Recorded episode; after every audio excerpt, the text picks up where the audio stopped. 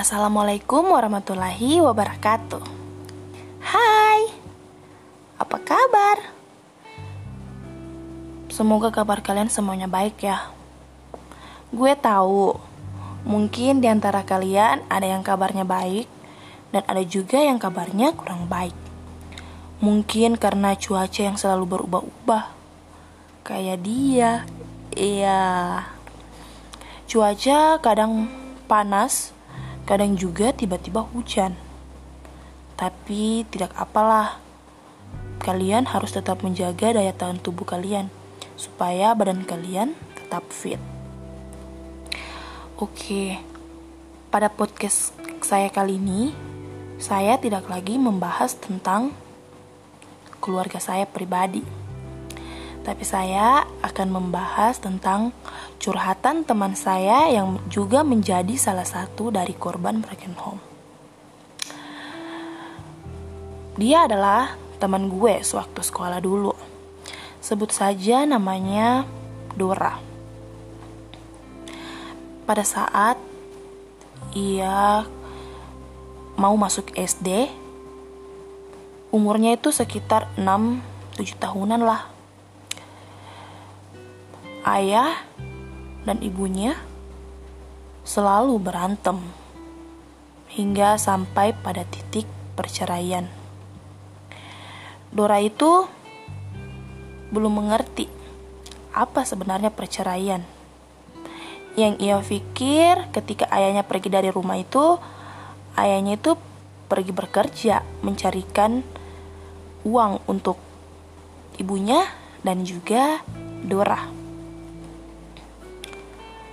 Hari demi hari berlalu. Dora bingung. Kenapa ayah nggak pernah pulang ke rumah, tapi ayah malah pulang ke rumah orang tuanya.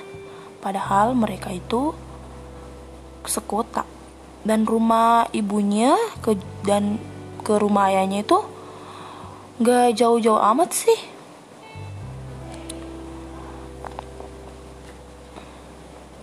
Beberapa bulan setelah bercerai, ayahnya kembali menikah dengan wanita lain.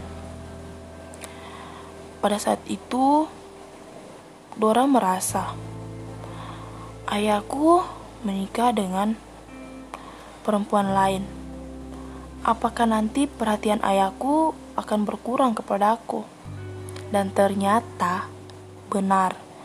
Setelah menikah, ayah Dora itu kayak melupakan Dora begitu. Nggak lagi pernah mencari Dora, nggak pernah peduli dengan Dora. Dora itu kayak merasa dilupakan oleh ayahnya. Tapi mungkin karena Dora belum tahu apa-apa, jadi dia tetap santai-santai aja. 8 tahun setelah bercerai dari ayahnya, ibu Dora kembali menikah dengan laki-laki lain. Dora pada saat itu kurang setuju karena Dora berpikir ayahnya menikah dengan wanita lain, perhatian ayahnya berkurang. Akankah nanti ketika ibuku menikah dengan laki-laki lain, perhatian ibuku juga berkurang? Lantas, aku harus mencari perhatian ke mana? Sedangkan aku masih membutuhkan kasih sayang dari kedua orang tuaku. Sebulan setelah pernikahan ibunya, ayah tiri Dora itu sangat baik kepada Dora. Ia sangat menyayangi Dora, mencintai Dora, dan selalu menuruti apa yang Dora mau. Setelah usia pernikahan satu tahun, Ibu Dora mengandung anak. Di situ Dora itu sangat sedih. Ia berpikir, apakah nanti ketika adik tiriku lahir, kasih sayang ibuku akan terbagi kepada adikku. Tapi dia cuman dia cuman berpikir tapi tidak bertanya kepada ibunya. Setelah usia kandungan ibunya lima bulan, ayah tiri Dora itu mengeluarkan sifat aslinya. Ia mulai main tangan kepada Dora. Sedangkan Dora, waktu sama ayah kandungnya, gak pernah tuh disentuh fisik fisiknya sama ayahnya karena ayahnya itu memang sangat menyayangi Dora.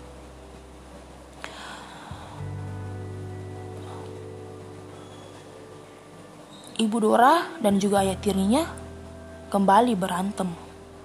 Dan ayah tirinya memukuli ibu Dora yang saat itu sedang mengandung. Ayah tiri pergi meninggalkan Dora dan ibunya. Dora pada saat itu menangis dan berpikir, ternyata ayah tiriku sama dengan ayahku tidak menyayangi ibuku dan juga diriku.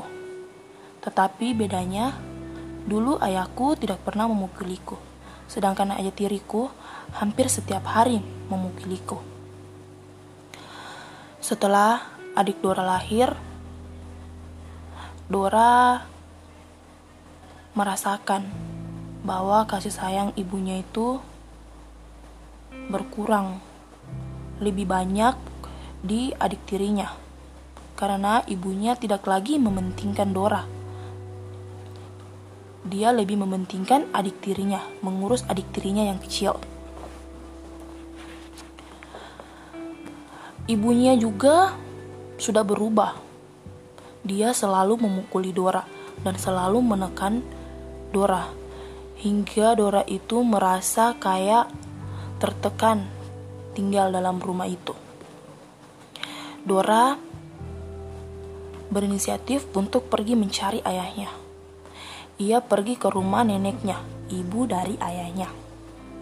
Setibanya di sana, ayah Dora itu sudah memiliki anak dari wanita lain.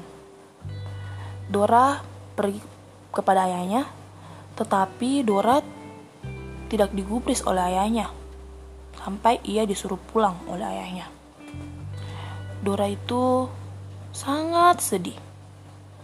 Dia pusing harus pergi ke mana. Ayah, ibunya tidak lagi mencintai dia. Sejak saat itu pun, Dora tidak pernah mendengarkan apa yang ayahnya maupun ibunya katakan. Ia menjadi seorang anak yang sangat keras kepala, dan dia juga bergaul dengan orang yang salah. Kalau kesimpulan dan menurut gue sih ini wajar kalau anak yang broken home itu jauh lebih keras kepala dan lebih mudah mengarah menjadi anak yang nakal. Karena apa? Karena kurangnya kasih sayang dan perhatian orang tuanya lah yang harus selalu ada untuk membimbing anak. Gue yakin menjadi anak yang broken home itu gak mudah menekankan mental psikis apalagi waktu kecil aja dia udah mengenal KDRT kalau pas lagi orang tuanya berantem. Ya mau gimana lagi semua udah takdirnya. Segini dulu ya cerita yang dapat gue sampein. Mungkin bisa diambil positifnya. Terima kasih buat kalian yang udah mau mendengarin podcast gue. Dan tetap dengerin bahasan cerita-cerita dari gue selanjutnya Dadah semuanya. Waalaikumsalam warahmatullahi wabarakatuh.